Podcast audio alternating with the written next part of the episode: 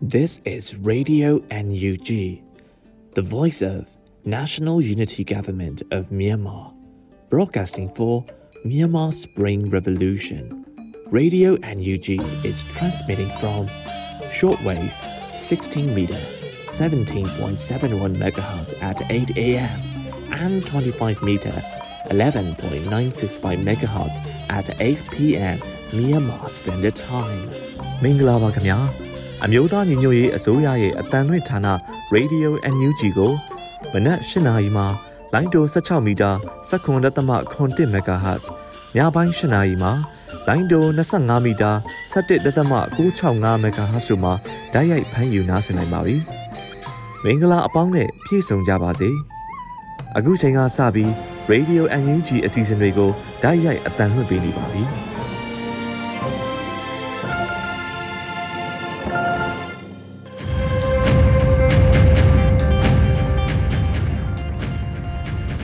မြန်မာနိုင်ငံသူနိုင်ငံသားအပေါင်းတဘာဝပြီးဆရာနာရှင်ဘေးတို့ကနေကင်းဝေးပြီးကိုစိတ်နှပါစမ်းမလုံးခြုံပေးကင်းကြပါစေလို့ရေဒီယို UNG အဖွဲ့သားများကဆုတောင်းမေတ္တာပို့သလိုက်ရပါတယ်ရှင်။မင်္ဂလာညချမ်းပါရှင်။အခုချိန်ကစပြီးရေဒီယို UNG ရဲ့နောက်ဆုံးရသတင်းကြေးများကိုຫນွေဦးနှင်းစီကတင်ဆက်ပေးပါမယ်ရှင်။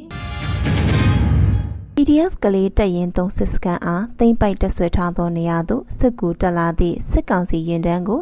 ချင်းဆိုင်ကြေးရွာအနီး၌ PDF ကလေးကနိုဝင်ဘာလ18ရက်နေ့တွင်မိုင်းဆွဲတိုက်ခိုက်ခဲ့ကြပါတယ်။ထိုတိုက်ခိုက်မှုကြောင့်စစ်ကောင်စီတပ်သား15ဦးသေဆုံးခဲ့သည့်အနက်လေးချင်ရင်တက်ရင်အမှတ်30မှဗိုလ်ကြီးတဦးပါဝင်တယ်လို့ PDF ကလေးမှတာဝန်ရှိသူတဦးကပြောကြားလိုက်ပါတယ်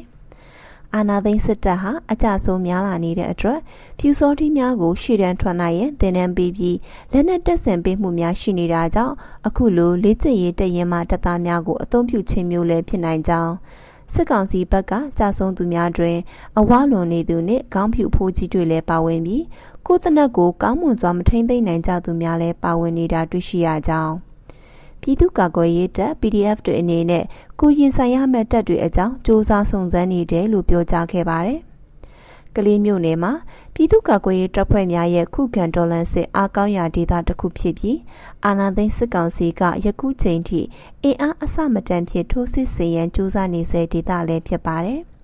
ဆက်လက်ပြီးစစ်ရေးတင်းမာလာပွဲရှိတာကြောင့်ကလေးကံကောလန်းကိုတပတ်အတွင်းအသုံးပြုသွားလာခြင်းမပြုကြရင်ကလေး PDF ကနိုဝင်ဘာလ19ရက်နေ့ရက်စွဲဖြင့်အသိပေးထုတ်ပြန်ထားကြောင်းပါရှင်။ပြည်သူ့ကာကွယ်ရေးအဖွဲ့အစည်းများတုတ်ပန်းနှင့်စစ်ဘက်အကျဉ်းသားထိန်းသိမ်းရေးဆိုင်ရာလက်ညွှန်ချက်ကိုပြည်သူ့ကာကွယ်ရေးအဖွဲ့အစည်းများညှိနှိုင်းကုကရေးဗဟိုကမတီမှအောက်ပါအတိုင်းထုတ်ပြန်ထားပါတယ်။၁အမျိုးသားညီညွတ်ရေးအစိုးရကာကွယ်ရေးဝန်ကြီးဌာနသည် ပြည်သူခုခံတော်လှန်စစ်ပွဲကိုပြည်သူများတော်လှန်ရေးအင်အားစုများပြည်သူ့ကာကွယ်ရေးအဖွဲ့များနှင့်အတူလက်တွဲညီညီအားသွန်ခွန်ဆိုင်ဆောင်ရွက်လျက်ရှိပေသည်ရင်းတို့ဆောင်ရွက်ရာတွင်ပြည်သူ့ကာကွယ်ရေးအဖွဲ့အစည်းများနေဖြင့်ဂျနီဗာသဘောတူညီချက်အပါအဝင်စစ်ဖက်ရေးရာနိုင်ငံတကာစီမင်းကျင့်ဝတ်များစံနှုန်းများကိုမမိတ်မသုံလိုက်နာဆောင်ရွက်ကြရန်လည်းလိုအပ်ပါသည်နှစ်သို့ဖြစ်ပါ၍ ပြည်သူ့ကာကွယ်ရေးတပ်မတော် PDF နှင့်ကာကွယ်ရေးဝန်ကြီးဌာန၏ထိတ်ဆက်ကွက်ကဲမှုအောက်တွင်ရှိသောပြည်သူ့ကာကွယ်ရေးအဖွဲ့အစည်းများလိုက်နာကျင့်သုံးနိုင်စေရန်တုတ်ပန်းနှင့်စစ်ဘက်အကျဉ်းသားထိမ့်သိမ်းခြင်းဆိုင်ရာလမ်းညွှန်ချက်ကိုထုတ်ပြန်လိုက်သည်၃တုတ်ပန်းနှင့်စစ်ဘက်အကျဉ်းသားဟူသောစကားရက်တွင်ပြည်သူခုခံတော်လှန်ရေးကာလအတွင်းဒဏ်ရာအနာတရားနှင့်တော်၎င်းအသက်ရှင်လျက်တော်၎င်းဖမ်းဆီးရမိသောလက်နက်ချလင်းဝင်လာသော ကကြီးအကြံဖက်စစ်ကောင်စီ၏ကြီးရေးလေးတပ်ဖွဲ့ဝင်များတီချတာဝန်ပေးအပ်ထားသောတပ်ဖွဲ့ဝင်များခါခွေအကြံဖက်စစ်ကောင်စီ၏အမိတ်အောက်တွင်တာဝန်ထမ်းဆောင်နေသောရဲတပ်ဖွဲ့ဝင်များတီချတာဝန်ပေးထားသောတပ်ဖွဲ့ဝင်များခါငယ်အကြံဖက်စစ်ကောင်စီအမိတ်အောက်တွင်တာဝန်ထမ်းဆောင်နေသောပြည်သူစစ်တပ်ဖွဲ့ဝင်များပြူစောတိအဖွဲ့ဝင်များပါဝင်သည်၄တုတ်ပန်းနှင့်စစ်ဘက်အကျဉ်းသားဟူသောစကားရက်တွင် မိမိတို့ဆန္ဒအလျောက်ပြည်သူရင်ခွင်ခိုလုံလာသောစစ်ဘက်ရဲဘက်လုံခြုံရေးတပ်ဖွဲ့ဝင်များမပါဝင်စေရငါပြည်သူ့ကာကွယ်ရေးအဖွဲ့အစည်းများအနေဖြင့်တုတ်ပန်းများစစ်ဘက်အကျဉ်းသားများနှင့်ဆက်လျင်၍အောက်ပါအတိုင်းလိုက်နာဆောင်ရွက်ရမည်ကကြီးလူသားဆန်စွာပြုမှုဆက်ဆံရမည်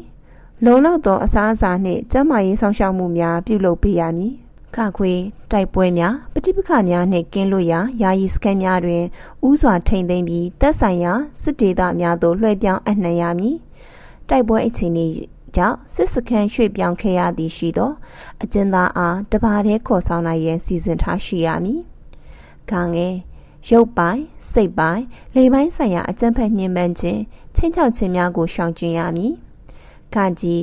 ကနန်ဦးမေးမြန်းစစ်ဆေးမှုကိုတာဝန်ရှိသူမှစစ်ဆေးနိုင်ပြီးအထက်ကုတ်ကဲမှုအစဉ်စဉ်သို့အချိန်နှစ်တပြင်းကြီးတင်ပြအစီရင်ခံရမည်။ငါတရားကြောက်တော်၎င်းယောဂဗျာကြောက်တော်၎င်းအခြားမျောလင့်မထားသောကိစ္စတည်းရဲ့ကြောက်တော်၎င်းဆုံးပါသွားခဲ့ပါကကောင်းမွန်စွာမြုပ်နှံတကြိုပေးရမည်။စလုံးအကျဉ်းသားပိုင်ဆိုင်သည့်အရာများကိုစနစ်တကျမှတ်တမ်းတင်သိမ်းဆည်းအနှံစေရမည်။စလေ ICRC သို့ဆက်သွယ်သတင်းပို့နိုင်ရေးအတွက်အကျဉ်းသား၏ကိုရေးအချက်အလက်များကိုစုစည်း၍ကာကွယ်ရေးဝန်ကြီးဌာနသို့တင်ပြရမည်။စာခွဲစစ်ရာဇဝတ်မှုကျူးလွန်သည်ဟုတန်တရားရှိသူများတာဝန်ရှိသူများကိုအချက်အလက်များနှင့်တကွကာကွယ်ရေးဝန်ကြီးဌာနကတာဝန်အနှံသောစစ်ရာဇဝတ်မှုစစ်စစ်ရေးဘျူရိုကော်မတီသို့လွှဲပြောင်းပြမည်။စမီဆွဲ တိုက်ပွဲပဋိပက္ခများပြီးဆုံးသောအခါတုတ်ပန်းနှင့်စစ်ဘက်အကျဉ်းသားများအားစီစစ်၍ပြန်လည်လွှတ်ပေးရမည်ပုံအတွင်ရေးမှုပြည်သူ့ကာကွယ်ရေးအဖွဲ့အစည်းများညှိနှိုင်းကုတ်ကဲရေးဗဟိုကမတီဟူ၍ပါရှိပါရရှင်အာနာသိစစ်ကောင်စီလက်အောက်မှာအမှုမထမ်းပဲစီရီယံပြုလုပ်ကတိန့်ရှောင်နေတဲ့ရဲတပ်ဖွဲ့ဝင်များအားစစ်ကောင်စီတပ်ဖွဲ့က၄ကီကောမျိုးသစ်လူနေအိမ်များအတွင်တအိမ်ဝင်တအိမ်ထွက်ဝင်ရောက်စစ်ဆေးနေကြပါတယ်။ အဆိုပါစစ်ဆေးရှာဖွေမှုများကိုနိုဝင်ဘာလ19ရက်နေ့နက်ပိုင်းမှာစတင်ပြီးမဲထော်တလီမင်းလက်ပံလေးကီကောမြို့တစ်ဘက်သို့သွာလာရသည့်မဲထော်တလီကျေးရွာလမ်းစုံတွင်စစ်ကောင်စီတပ်ဖွဲ့များရဲတပ်ဖွဲ့များရင်ထိန်တပ်ဖွဲ့များစတဲ့စုပေါင်းဖွဲ့များကဒေသခံများ၏ကားများဆိုင်ကယ်များကိုအသေးစိတ်စစ်ဆေးနေကြခြင်းဖြစ်ပါတယ်။ KNU ဒူပလာယာခရိုင်တပ်မဟာ6ထိန်းချုပ်နယ်မြေ၄ကီကောမြို့တစ်အတွင်းကိုလည်း နိုဝင်ဘာလ18ရက်နေ့နနက်ပိုင်းကရှောင်းတခင်ဝင်ရောက်စစ်ဆေးခဲ့ကြပါသေးတယ်။ဒေသခံပြည်သူများကတော့ယခုလိုစစ်ကောင်စီတပ်များရဲ့ရှောက်ဖွေးစစ်ဆေးကြမ်းနေတဲ့အတွက် KNU တပ်ဖွဲ့များနဲ့တိုက်ပွဲဖြစ်လာမှာကိုစိုးရိမ်နေကြပါတယ်ရှင်။နိုဝင်ဘာလ20ရက်နေ့မနက်ခင်းနဲ့နေ့လယ်ခင်းတွေမှာတင်ဆက်ခဲ့တဲ့သတင်းကောင်းစီများကိုပြန်လည်ဖတ်ကြားပေးပါမယ်။နိုဝင်ဘာလ20ရက်နေ့မှာတင်ဆက်ခဲ့တဲ့သတင်းကောင်းစီတွေကတော့ အကြံဖက်စစ်တပ်ကကျူးလွန်နေတဲ့လိမ်ပိုင်းဆိုင်ရာပြစ်မှုတွေအတွက်အပြည်ပြည်ဆိုင်ရာရာဇဝတ်မှုခုံရုံးသို့အမှုလွှဲပြောင်းစီရင်နိုင်ရေးဆောင်ရွက်နေကြောင်းတဲ့အမျိုးသားညီညွတ်ရေးအစိုးရကာကွယ်ရေးဝန်ကြီးဌာနဝန်ကြီးဦးရှိမွန်ကတော်လန်ရေးကိုနှစ်ဆတိုးပြုလုပ်မယ်လို့သစ္စာပြုပြောဆိုလိုက်တဲ့တဲ့နီပွန်ဖောင်ဒေးရှင်းဥက္ကဋ္ဌနဲ့ NLD ပါတီတို့တရားဝင်တွေ့ဆုံခဲ့ခြင်းမရှိဘူးလို့အမျိုးသားဒီမိုကရေစီအဖွဲ့ချုပ်ဗဟိုအလုပ်ကမတီမှဦးအောင်ကြည်ညွတ်ကပြောဆိုလိုက်တဲ့တဲ့ စစ်ကောင်စီရန်တရားလဲပတ်စီတဲ့ကိစ္စရက်တွေအားပေးလှုပ်ဆောင်တာနဲ့ချီးမြှင့်ဝန်ထမ်းလာစာအထမပြန်တောင်းနေတဲ့ဝန်ထမ်းဆိုးတွေအပေါ်သတိပေးကြေညာချက်တရက်ကိုနိုဝင်ဘာလ18ရက်နေ့ရက်စွဲဖြင့်အမျိုးသားညီညွတ်ရေးအစိုးရကထုတ်ပြန်ခဲ့တဲ့တဲ့အမျိုးသားညီညွတ်ရေးအစိုးရလူအခွင့်အရေးဝန်ကြီးဌာနကလူအခွင့်အရေးဆိုင်ရာသတင်းလွှာကိုမြန်မာအင်္ဂလိပ်နှစ်ဘာသာဖြင့်ပထမဆုံးအကြိမ်ဖြစ်ထုတ်ဝေလိုက်တဲ့တဲ့ ကလေးမျိုးနဲ့ကလေးကန့်ကိုလမ်းမပေါ်ရှိချင်းဆိုင်ရွာမှပြည်သူအိမ်များကိုစစ်ကောင်စီကမိရှို့ဖျက်ဆီးနေတဲ့တဲ့ပူတာအိုတွင် COVID-19 ရောဂါပိုးတွေ့ရှိမှုနှုန်းအလွန်များလာသဖြင့်ကျန်းမာရေးပစ္စည်းများလိုအပ်နေတယ်ဆိုတဲ့တဲ့စီဆိုင်မြို့နယ်အတွင်း COVID-19 ကူးစက်မှုနှုန်းများပြားလာတဲ့အတွက်စီမီလော့ဒေါင်းတပတ်ထပ်မံတိုးမြင့်လိုက်တဲ့တဲ့ပြည်သူခုခံတွန်းလှန်စစ်ပွဲအတွင်းဖမ်းဆီးရမိသောစစ်တုပ်ပံအခြေအနေကို UNG အစိုးရကထုတ်ပြန်လိုက်တဲ့တဲ့ စစ်ကောင်စီနဲ့လက်အောက်ခံ BGF တွေကို KNU ကလာပစ်လျင်အရက်သားများ၏ရွာတွင်ပြည်လဲပစ်ခတ်မည်ဖြစ်ကြောင်း BGF ချင်းချောက်လိုက်တဲ့တဲ့စစ်အာဏာသိမ်းမှုနောက်ပိုင်းနိုင်ငံတကာရေနံနှင့်ဓာတ်ငွေ့ကုမ္ပဏီများသည်လုပ်ငန်းများကိုတိုးချဲ့လာနေတဲ့တဲ့ကာကွယ်ရေးဝန်ကြီးဌာနနဲ့တရားရေးဝန်ကြီးဌာနတို့ပူးပေါင်းပြီးလက်နက်ကင်ပဋိပက္ခဆိုင်ရာအသိပညာပေးအစီအစဉ်များပြုလုပ်နေတဲ့တဲ့ရင်တို့ဖြစ်ပါတယ်ရှင်။ကျွန်မကတော့ຫນွေဦးနှင်းစီပါ။ Radio UNG ရဲ့နောက်ဆုံးရသတင်းအကျဉ်းများကိုနားဆင်ကြရတာဖြစ်ပါတယ်။ဆက်လက်ပြီးຫນွေဦးဟန်နီဖတ်ကြားထားတဲ့ကျေးလက်တိုက်ပွဲမြို့ပြပျောက်ကြားနဲ့ပန်တက်ကူကောက်သူများအမိယမုံမခသတင်းမြင့်ကွင်းဆောင်ပါကို နားဆင်ကြရမှာဖြစ်ပါတယ်။မြန်မာပြည်မှာစစ်တပ်အာဏာသိမ်းပြီး6လ18ရက်မြောက်နေ့မြင်ကွင်းကျေးလက်တိုက်ပွဲမြို့ပြပျောက်ကြားနယ်ပန့်တကူကောက်သူများ စစ်အာဏာသိမ်းမှုကိုစန့်ကျင်တွန်းလှန်ကြတဲ့ဆန္ဒပြမှုတွေလုံဒင်းရဲနဲ့စစ်သားတွေမဝင်နိုင်အောင်မြို့တွင်းမှာလမ်းတွေတဲအိမ်တွေပိတ်ဆို့ပြီးခုခံမှုတွေနောက်ပိုင်းလက်လုံပုံလက်လုံတနက်တကယ်တနက်တွေနဲ့ချောင်းမြောင်းပစ်ခတ်မှုတွေအုတ်ချုပ်ရေးမတီဆောက်နိုင်အောင်အုတ်ချုပ်ရေးမှုရုံးတွေကိုမီးတင်ရှို့တာတွေမြို့နယ်ရက်ကွက်အုတ်ချုပ်ရေးမှု ရာအိမ်မှုတည်င်းပိတ်လို့ဆိုသူတွေကိုလှုပ်ကြံတက်ဖြတ်တာတွေနဲ့မကြခင်ကတော့လမ်းစုံလမ်းကွာကရဲကင်းတွေကိုကားနဲ့ပစ်ခတ်ပြီးထွက်ပြေးတာတွေတဆင့်ပြီးတဆင့်ပြောင်းလဲလာခဲ့ပါတယ်။ စကိုင်းတိုင်း၊ကယား၊ချင်းပြည်နယ်တွေကကျေးရွာတွေမှာဆိုရင်လည်း PDF အဖွဲ့တွေဖွဲ့ပြီးစစ်ကောင်စီတပ်တွေကိုဆက်သွယ်ရေးလမ်းတွေမှာစောင့်မိုင်းခွဲတိုက်ခိုက်တာတွေရဲစခန်း၊ကင်းစခန်းတွေကိုပစ်ခတ်တာဝင်စီးတာတွေလှုပ်ဆောင်နေကြတာဖြစ်ပါတယ်။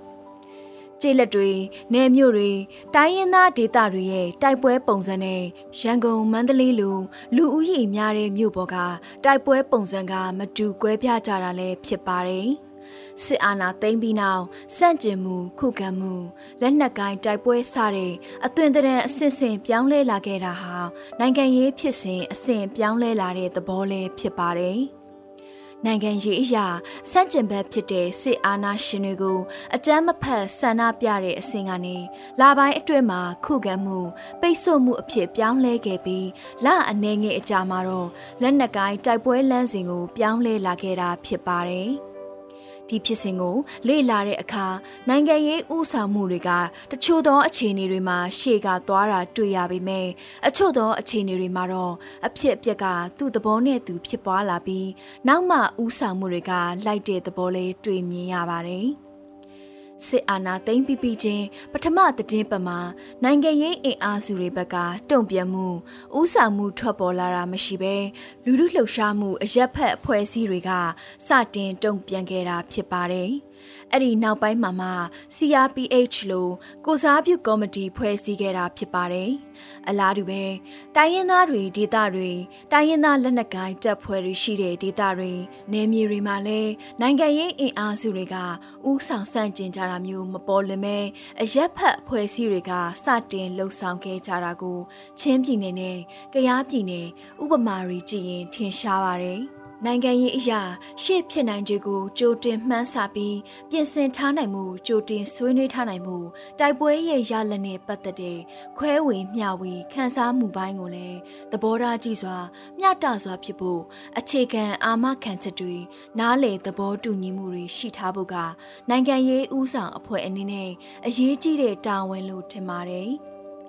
ယခုရပိုင်းဖြစ်ပွားနေတဲ့ PDF တွေနဲ့စစ်ကောင်စီတပ်တွေရဲ့တိုက်ပွဲတွေမြို့ပေါ်ကပျောက်ကြားအဖွဲ့တွေဖမ်းဆီးခံနေရတာတွေရန်ကုန်ကမြို့ပေါ်ပျောက်ကြားကိုကြိုးကင်နေလို့စစ်ကောင်စီကပြောဆိုတဲ့ကိုစေရသောအဖမ်းခံရတာတွေနဲ့ပတ်သက်လို့လဲအသေးအချာပြန်သုံးသပ်ပြီးမဟာဗျူဟာအရာနီးဗျူဟာအရာပြန်ပြင်ဆင်တာတွေပူးပေါင်းဆောင်ရွက်မှုတွေကိုလုပ်ဖို့လိုအပ်ကောင်းလိုအပ်မှာဖြစ်ပါတယ်။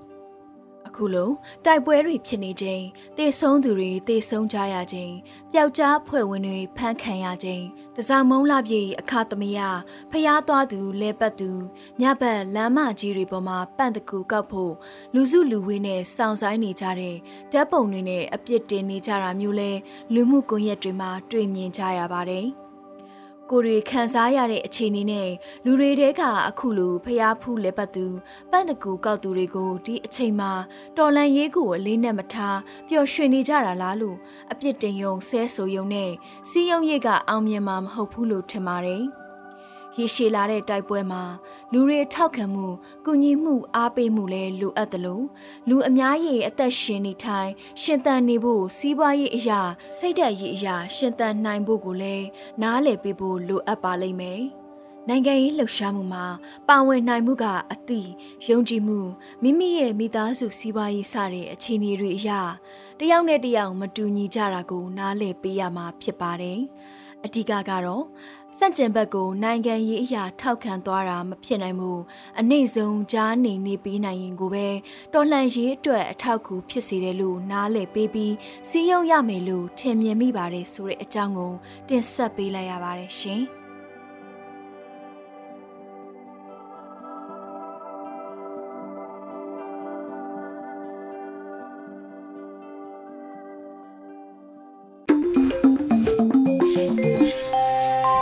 လူသက်ဓမြတိုက်တိုင်းပြည်အာဏာကိုအတ္တမသိမ့်ပိုက်ရင် ကိုစွမ်းနာထက်ပိုပြီးကန်းကုံအောင်မတ်ရိုင်းနေကြသူတွေအကြောင်းစောင်းရွတ်လာရဲ့ကြပြကိုလွတ်လပ်ຫນွေဦးခန်းစားမှုနဲ့အတူနားဆင်ပေးကြပါအောင်ရှင်။ဆောင်းယွန်းလရေးသားတဲ့ဇီရိုများကြပြကိုခန်းစားဖတ်ကြားပေးပါမယ်။ဇီရိုများ မိကိုလို့ဥပြီးဇီရိုလို့ဒူနေတဲ့ကောင်ကြီးတွေပေါ့အမောင်တိုက်မှာလောင်မြိုက်တဲ့မီးတွေနဲ့တူလူသက်မှအမျက်ထွက်မယ်ထင်တဲ့အကြံနဲ့မန်တက်ရင်တက်တက်လုံးအနင်းခံရတဲ့အထိကိုကိုကိုလက်တူမှန်းလက်ဒမှန်းမသိတဲ့အကောင်ကြီးတွေပေါ့ကို့ပြစ်ကိုစူးပြီးရှင်ဘရင်ယူယူနေကြတဲ့ဘဝမှာဖြောဖြေစရာဖော်ဆွေသဟာအပေါင်းကလည်း ကို့အလောင်းကိုပြန်မဆွဲနိုင်တဲ့တက်ကွင်ထဲရောက်လို့ဒီလိုအချိန်ထိမှောင်သလားမိုက်သလားမသိအောင်ရောင်ဝါးဝါဖြစ်နေတဲ့ကောင်ကြီးတွေပေါ့အကွဲအပြဲအဖာသေးတွေနဲ့လိန်ညာမှိုင်းတိုက်ပေးနေတဲ့အတန်လွင့်ဌာနတစ်ခုကိုရင်ဝယ်ပိုက်ရင်မိုက်ဆက်ခင်းနေကြတဲ့အကောင်ကြီးတွေပေါ့ဘိုထီကသူ့တချင်းထဲထဲ့ဆူသွားခဲ့ဘူးတယ် ကိုစွမ်းသလောက်တော့ကိုကြိုးစားခဲ့ပါတယ်ထိတ်ဆုံးထိမရောက်ခဲ့ရတော့အလေလက်တော့မကပါသေးတဲ့ဟိုဘိုမအလာနဲ့ဒီဘိုမဲလုံးဆိုတဲ့ကောင်ကြီးတွေကတော့ဟိုဟိုတီတီဘာဆိုဘာမှမသိတဲ့ကောင်ကြီးတွေဆိုတော့သူတို့စွမ်းတာထက်ပိုစ조사မိရာကစပြီးသူတို့တတက်လုံးမီးလောင်တကဘာလုံးရဲ့စွန့်ပယ်ခြင်းကိုခံရတော့တာပါပဲဘယ်လိုအချိန်ထိ ရဲတော်မသိတေတော်ငရဲမလားလုံနိုင်ကြအောင်မလဲတော့မသိဘူးသူတို့ဟာနိုင်ငံတယံဇာတကိုခိုးပြီးအိတ်ထဲထည့်ဖို့ရဲနဲ့ခါးကြားတနတ်ထိုးပြီးနယ်လက်ရွှီရွှမ်းလေဖန်းဝရန်ထုတ်ဖို့ထက်ဘာမှပိုမစွမ်းခဲ့ပဲလူသက်ဓမြတိုက်တိုင်းပြည်အာဏာကိုအတ္တမသိမ့်ပိုက်ရင် ကိုစွမ်းတာထက်ပိုပြီးကန်းကုံအောင်မိုက်ရိုင်းလိုက်ကြတော့ထိတ်လည်းမရောက် အလဲအလတ်လည်းမကတ်ပဲ0ဆိုတဲ့တွင်းနဲ့ကြီးတဲ့စောက်ထိုးကျသွားတော့တာပါပဲ0ကြီးများရဲ့မိကိုလိုဥပြီးလူပုံလယ်မှာဆောက်ရက်ကွဲပုံနဲ့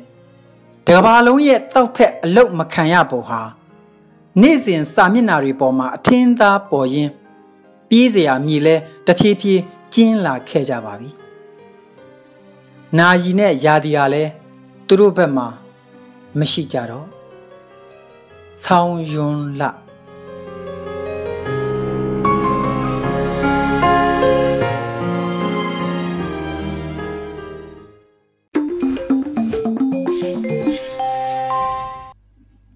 ရေဒီယို UNG မှဆက်လက်တန်လွှင့်နေပါတယ်။ဆက်လက်ပြီးတော်လာရင်းနည်းပညာကဏ္ဍအစီအစဉ်ကို တင်ဆက်ပေးမှာဖြစ်ပါရရှင်။ တော်လိုင်းနည်းပညာစီစဉ်ကနေပြန်လည်ကြိုဆိုလိုက်ပါတယ်။မြန်မာနိုင်ငံသူနိုင်ငံသားအပေါင်းမင်္ဂလာပေါင်းနဲ့ပြည့်စုံသောနေ့ရက်တွေကိုအမြဲဆုံးပြန်လည်ပိုင်ဆိုင်နိုင်ကြပါစေကြောင်းတော်လိုင်းနည်းပညာစီစဉ်ဝိုင်းတော်သားများမှဆုတောင်းမေတ္တာပို့သလိုက်ပါတယ်။နည်းပညာတိုးတက်လာတဲ့အခါမှာလူသားတွေရဲ့ဘဝပုံစံတွေပြောင်းလဲလာတဲ့အပြင်ပတ်ဝန်းကျင်ကမြင်နေချက်ပုံစံတွေဟာလည်းနည်းပညာရဲ့ပါဝင်မှုကြောင့်ပြောင်းလဲလာပါတယ်။နည်းပညာဟာလူသားတွေကိုပုံမလွယ်ကူတဲ့ဘဝတွေကိုရစေတယ်လို့ပြောကြပြီးလက်သက်မှုတွေကိုလည်းနည်းပညာတိုးတက်မှုကြောင့်ကျော်လွန်လာနိုင်ကြပါတယ်။ ကတ်တက်မှုတွေမရှိတော့တာကြောင့်ကွဲပြားတဲ့အများပြားတဲ့လှုပ်ဆောင်မှုတွေလက်ရာတွေပုံစံအသစ်တွေကိုလူသားတွေဟာဖန်တီးလာနိုင်ကြပါတယ်။ဒီဟာတွေကအမှုပညာဟာလည်းနည်းပညာနဲ့အတူရွေလျားလာခဲ့ပြီးအခုချိန်မှာ digital app တွေဟာလူတွေရဲ့ဖုန်းမျက်နှာပြင်ပေါ်မှာတွေ့မြင်လာရပါတယ်။မြပညာလို့ပြောတဲ့အခါမှာ Michelangelo, Picasso, Vincent van Gogh မြို့မှာချင်းခင်ပေါင်ရင်စသဖြင့်ခေါင်းထဲမှာပေါ်လာနိုင်ပါတယ်။ခန္ဓာထေဝါထားတဲ့ပတိကားတွေဟာပြလိုက်တီပြကန်းတွေမှာအခုချိန်ထိ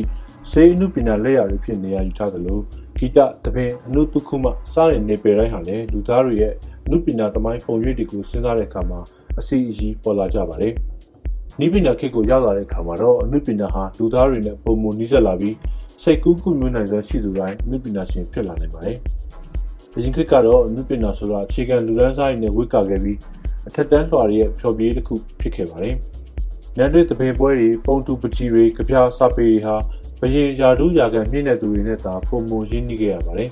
။အနုပညာဟာပြည်သူလူထုနဲ့နှီးစပ်ရမယ်ဆိုတဲ့အတွေးခေါ်တွေပြန့်နှံ့လာတဲ့နောက်မှာတော့အနုပညာဟာလူသားပေါင်းများစွာနဲ့ထိတွေ့ခွင့်ရခဲ့ပါတယ်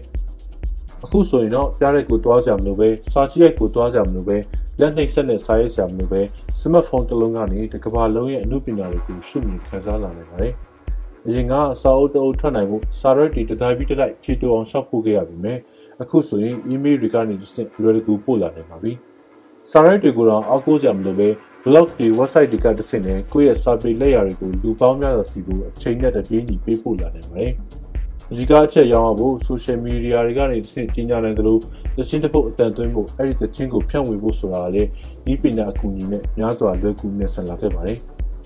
ဤပညာကြောင့်ပြောင်းလဲလာတဲ့လူတွေရဲ့ဘဝနေထိုင်မှုပုံစံတွေတဲကနေအမှုပညာရဲ့ life ပါစီစဉ်လာမှုကိုအတိုင်းအတာမြင်ရနိုင်ပါတယ်။အမှုပညာဖန်တီးမှုအပိုင်းမှာလည်းကတ်သက်မှုတွေဟာနေတစ်ဆက်နေလာပြီးလက်ရမြောက်လာတဲ့ digital app ပေါင်းများစွာကိုလည်း internet ပေါ်မှာတမီတမောချိမကိုနိုင်အောင်တွေ့လာနိုင်ပါတယ်။အနုပညာဟာခေတ်ရည်စီးကြောင်းလိုက်ပုံစံအသစ်တွေပေါ်ထွန်းလာခဲ့ပြီးအခုနိပညာခေတ်မှာလည်းအနုပညာပုံစံအသစ်ပေါင်းများစွာဟာလည်းတနည်းတခြားပေါ်ထွန်းလာနေပါတယ်။ ပရိုဂရမာတယောက်ဟာဘယ်ရီကကနိုင်တဲ့စက်ရုပ်တရုပ်ကိုဖန်တီးခဲ့ပြီးမြို့လေကောင်မှာကပြကိုင်းထားပါတယ်။ဒီဘယ်လီစက်ရုပ်ကမယ်လေးရဲ့ကကွက်တီဟာဖန်တီးသူရဲ့အနုပညာလက်ရာတွေပါပဲ။ဒါဟာခေတ်သစ်အနုပညာပုံစံတရက်ဖြစ်ပါတယ်။လေဆိပ်တစ်ခုမှာတိုက်ခတ်နေတဲ့လေတိုက်နှုန်းကိုတိုင်းတာပြီးရလာတဲ့ data တွေကို artificial intelligence နည်းပညာကိုအသုံးပြီးဒီ data တွေကနေတစ်ဆင့်လွန်လူးပြောင်းလဲနေတဲ့ပေါ်ဝါစလေးတစ်ခုကို screen အကြီးကြီးတစ်ခုပေါ်မှာပြသထားပါတယ်။ဒါဟာနည်းပညာနဲ့နည်းပညာပေါင်းစပ်ထားခြင်းပါပဲ။ အဆောက်အုံကြီးတစ်ခုကိုပြောင်းလဲနေတဲ့အရိပ်တွေအကြောင်းတွေပုံစံတွေနဲ့ဝေးကနေ projector ကြီးတစ်ခုကိုအသုံးပြုကထိုးလိုက်တဲ့အခါမှာအဆောက်အုံကလှုပ်ရှားနေပါတယ်။တောက်ဝင်နေပါတယ်။အဆောက်အုံနေရာတွေအစား screen အကြီးကြီးတွေအစားထိုးတက်ဆင်ပြီးစကရင်အဖြစ် 3D ရုပ်ကြွပြီးရုပ်မြင်အရေးသွေးကောင်းမွန်တဲ့ဗီဒီယိုတွေကိုပြသထားတဲ့အခါမှာလမ်းသွားလမ်းလာတွေဟာအဆောက်အုံကြီးကိုငေးမောနေကြရပါတယ်။ဒါတွေဟာနိပညာအလိုက်တိုးတက်ပြောင်းလဲလာတဲ့နိပညာလက်ရာပုံစံအသစ်တွေပါပဲ။ဒါတွေဟာနိပညာနဲ့ပေါင်းစပ်ထားတဲ့အတွက် စစ်မှန်တဲ့အနိပညာမျက်မှုမပါဝင်ပါဘူးလို့တကယ်တမ်းပြောနိုင်ပါလား။နိပညာလက်ရာတွေဟာအယုတ်ထေမဟုတ်တော့ဘဲ digital တွေဖြစ်လာပြီးဒါတွေကိုရောင်းဝယ်ကြတဲ့အခါမှာလည်း cryptocurrency နဲ့ blockchain နည်းပညာတွေကိုထည့်သွင်းအသုံးပြုလာကြပါတယ်။ blockchain နည်းပညာကြောင့်အမှုပညာရှင်ဟာသူ့ရဲ့အမှုပညာလက်ရာတွေကို digital နည်းအရမှတ်ပုံတင်ပြီးသားဖြစ်သလိုပိုင်ဆိုင်မှုဟာလည်းပုံမခိုင်မာလာပါတယ်။ရောင်းဝယ်ကြတဲ့အခါမှာလည်းငွေကြေးကိုသုံးစွဲစရာမဖြစ်မနေမလို့တော့ပဲ Bitcoin လို့ cryptocurrency တွေကိုအသုံးပြုလာနိုင်ပါတယ်။နည်းပညာကြောင့်ကွန်ပျူတာမှုပုံစံအသစ်တွေပေါ်ထွက်လာပြီးကိုဖန်တီးနိုင်စွမ်းမြင့်ရင်မြင့်သလောက်အမှုပညာတွေဟာလက်ရမြောက်လာပါတယ်။စိတ်ကူးတွေကိုငွေကြေးအသွင်ပြောင်းမှုလွယ်လာတဲ့အတွက်အမှုပညာရှင်တွေဟာဟိုရင်ကခေါ်ခဲ့သလိုဖက်ခွက်စားဖို့မဟုတ်တော့ပါဘူး။ monitor ဖန်သားပြင်ပေါ်မှာတင်ဖန်တီးမှုတွေပြုလုပ်နိုင်တာမဟုတ်တော့ပဲ virtual reality လို augmented reality လိုပုံရိပ်အောင်နည်းပညာတွေဟာကန့်သက်ပေါင်းတွေပျောက်ဆုံးသွားပြီးအ တိုင်းအဆမရှိတဲ့စိတ်ကူးပြတ်ချက်မှုတွေကိုလူသားတွေကိုခံစားရစေပါတယ်။ 3D printing လို့နည်းပညာကိုအသုံးပြုပြီးလက်ရမြောက်လာတဲ့အနုစိတ်ရုပ်ထုကြီးတွေကိုကွန်ပျူတာတွေနဲ့ပုံဖော်ပြီး print ထုတ်လာနိုင်ပါတယ်။ artificial intelligence ကို internet ပေါ်မှာရှိတဲ့သချင်းတွေကိုလေ့လာခိုင်းပြီးမရှိသေးတဲ့ဂီတအသစ်တွေသချင်းအသစ်တွေတန်ဆင်အသစ်တွေကိုဖန်တီးကြဖို့ကိုလည်းစက်သက်တည်ထူနေကြပါပြီ။ AI နဲ့ပတိဆွဲတာ AI ကထည့်သွင်း data တွေအသုံးပြုပြီးရောင်သွေးစုံလင်ထားတဲ့ကမ္ဘာမြေခွင်းအသစ်တွေကိုပုံဖော်တာကိုလည်း ယနေ့ internet ခေတ်မှာအမကန်တွေ့မြင်လာတဲ့အခါမှာနိပညာဟာနိပညာကြောင့်ပြောင်းလဲမှုတွေအကြီးကြီးပေါ်ပေါက်လာခဲ့ပြီဆိုတော့ကိုထင်သာတွေ့မြင်ရပါတယ်။ဒီကနေ့မှာတော့ကျွန်တော်တို့ရဲ့တော်လိုင်းညပညာအစီအစဉ်ကနေညပညာနဲ့ညပညာရဲ့အကုန်းဖက်တိုးတက်လာခဲ့တဲ့ကြောင်းလဲလာမှုကိုရှုမြင်ခန်းစားတင်ပြထားခြင်းဖြစ်ပါတယ်။ညပညာဟာလူသားတွေရဲ့ဘဝတွေကခန်းစားမှုအာရုံတွေအထိဖြန့်ကျက်ထိုးဖောက်ဝင်ရောက်လာပြီဆိုတာလေးကိုကျွန်တော်တို့အစီအစဉ်ကိုစောင့်မျှော်ကြည့်ရှုနေကြတဲ့ပရိသတ်တွေကိုသတင်းစကားမျှဝေရင်းနောက်ပတ်များမှာလည်းတော်လိုင်းညပညာအစီအစဉ်ကနေဘ လို့အကြောင်းအရာတွေဆက်လက်တင်ဆက်ပေးသွားအောင်လဲဆိုတာကိုစောင့်မျှော်နားတော်တာစိန်ပေးကြပါဦးခင်ဗျာ။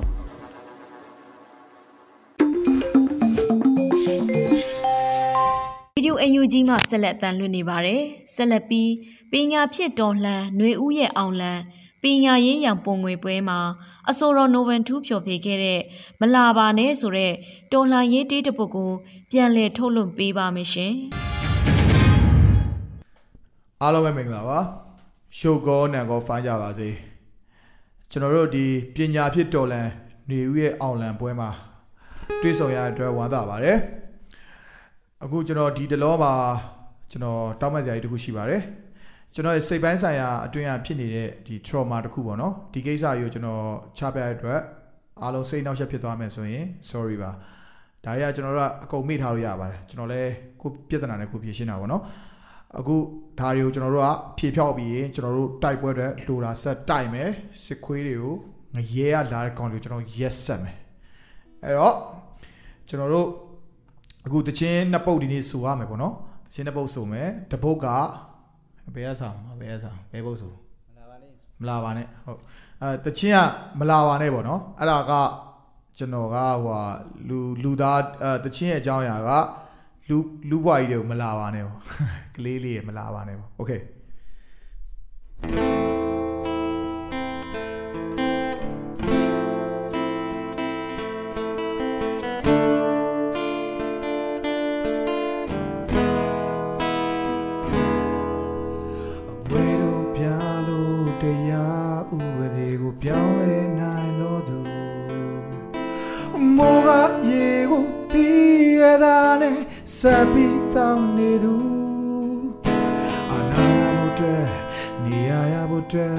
ဆိုလဲထလို့တဲ့သူ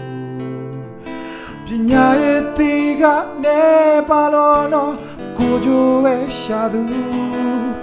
ဒီလိုတိုင်းဝိုင်းနဲ့မှလူဖြစ်ခွင့်လေးကိုမတောင်းဆိုခြင်းစမ်းလာနေ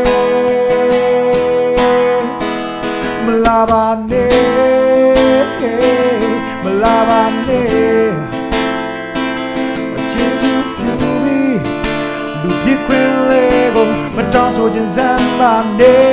မလာပါနဲ့မလာပါနဲ့ကျေးဇူးပြုပြီး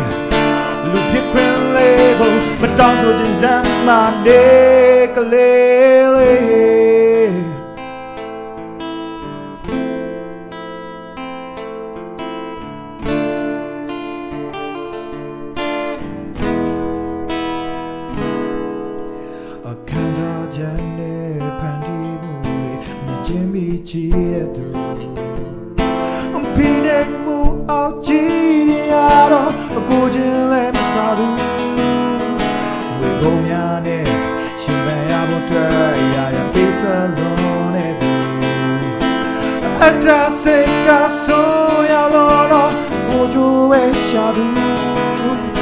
လိုတိုင်းဝိုင်းနဲ့မှလူဖြစ်ခွင့်လေးကိုမတောင်းဆိုခြင်းစမ်းမနေ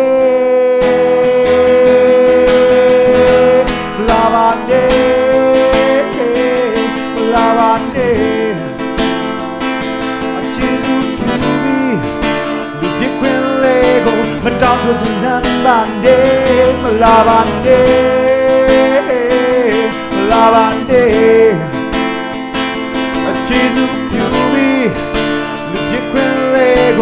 တောင်းဆိုခြင်းစမ်းပါနေ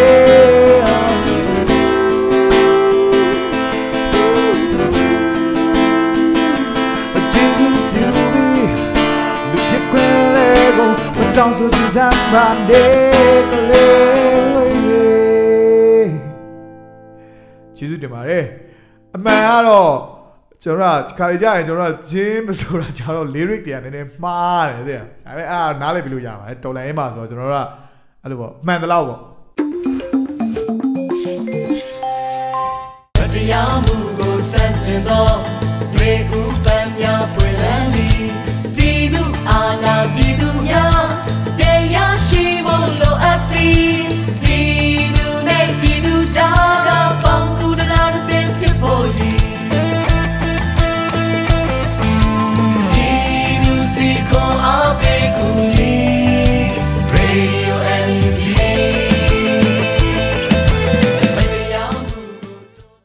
ဒီကနေ့တော့ဒီညနေပဲ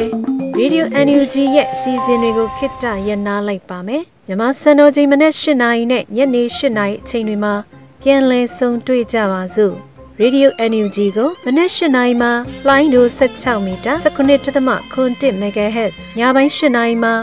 လိုင်းဒို25မီတာ17.665 MHz တို့မှာဓာတ်ရိုက်ဖမ်းယူနာဆင်နိုင်ပါပြီမြန်မာနိုင်ငံသူနိုင်ငံသားများကိုယ်စိတ်နှဖျားချမ်းမာချမ်းသာလို့ဘေးကင်းလုံခြုံကြပါစေလို့ Radio NUG ဖွဲ့သူဖွဲ့သားများကဆုတောင်းလိုက်ရပါတယ်မြို့သားညီညွတ်ရေးအစိုးရရဲ့ဆက်သွယ်ရေးသတင်းအချက်အလက်နဲ့ဤပညာဝန်ကြီးဌာနက ထုတ်လွှင့်နေတဲ့ Radio NUG ဖြစ်ပါတယ်။ San Francisco Bay Area အခြေစိုက်မြန်မာမိသားစုများနဲ့နိုင်ငံတကာကစေတနာရှင်များလှူအားပေးများရဲ့ Radio NUG ဖြစ်ပါတယ်။အရှိတော်ပုံအောင်ရမည်